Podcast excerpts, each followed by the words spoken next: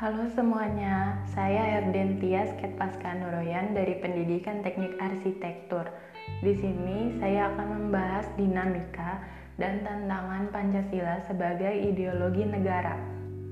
Pancasila sebagai dasar negara lahir dan berkembang melalui proses yang sangat panjang.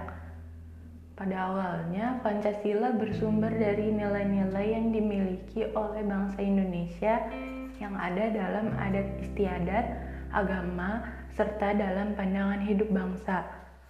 Oleh karena itu, nilai Pancasila diyakini kebenarannya kemudian diangkat menjadi dasar negara sekaligus ideologi bangsa.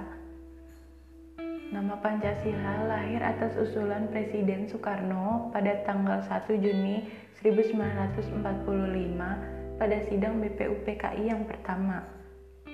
Usulan beliau disambut baik oleh para anggota rapat lainnya.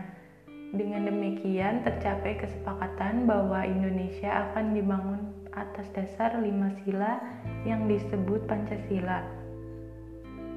Pancasila sebagai ideologi negara dalam sejarah bangsa Indonesia memperlihatkan adanya pasang surut dalam pelaksanaan nilai-nilai Pancasila. Dalam masa pemerintahan Presiden Soekarno, Soekarno memahami kedudukan Pancasila sebagai ideologi negara. Dalam perjalanan pemerintahannya, ideologi Pancasila mengalami pasang surut karena dicampur dengan ideologi komunisme dalam konsep Nasakom. Pancasila sebagai ideologi dalam masa pemerintahan Presiden Soeharto diletakkan di kedudukan yang sangat kuat melalui TAP MPR nomor 2 tahun 1978 mengenai pemasyarakatan P4. Pada masa Soeharto juga ideologi Pancasila menjadi asas tunggal bagi semua ormas dan ormas.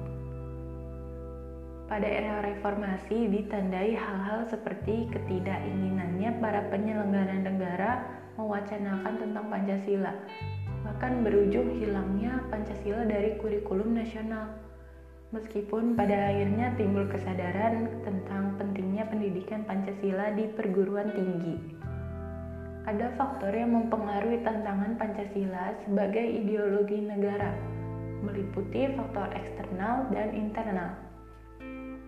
Adapun faktor eksternal meliputi hal-hal berikut pertengkaran ideologis antara negara-negara superpower yaitu Amerika Serikat dan Uni Soviet yang berakhir pada bubarnya negara Soviet sehingga Amerika menjadi satu-satunya negara superpower.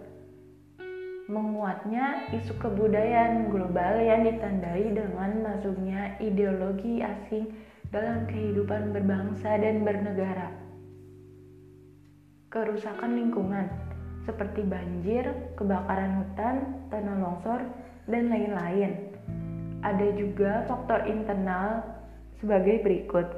Pergantian rezim yang berkuasa melahirkan kebijakan politik yang berorientasi pada kepentingan kelompok atau partai sehingga ideologi Pancasila sering terabaikan.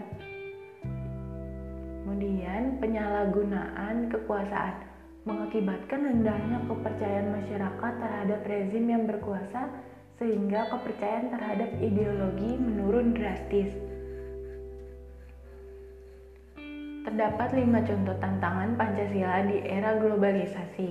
Yang pertama, masyarakat mengalami penurunan intensitas pembelajaran Pancasila dan kurangnya efektivitas dan daya tarik pembelajaran Pancasila.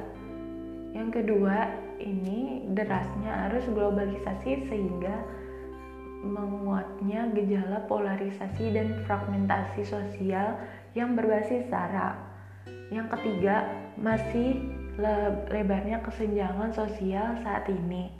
Yang keempat, semakin melemahnya nilai-nilai Pancasila dalam lembaga politik dan lembaga ekonomi, budaya, serta masih melemahnya wawasan ideologi Pancasila di kalangan penyelenggara negara.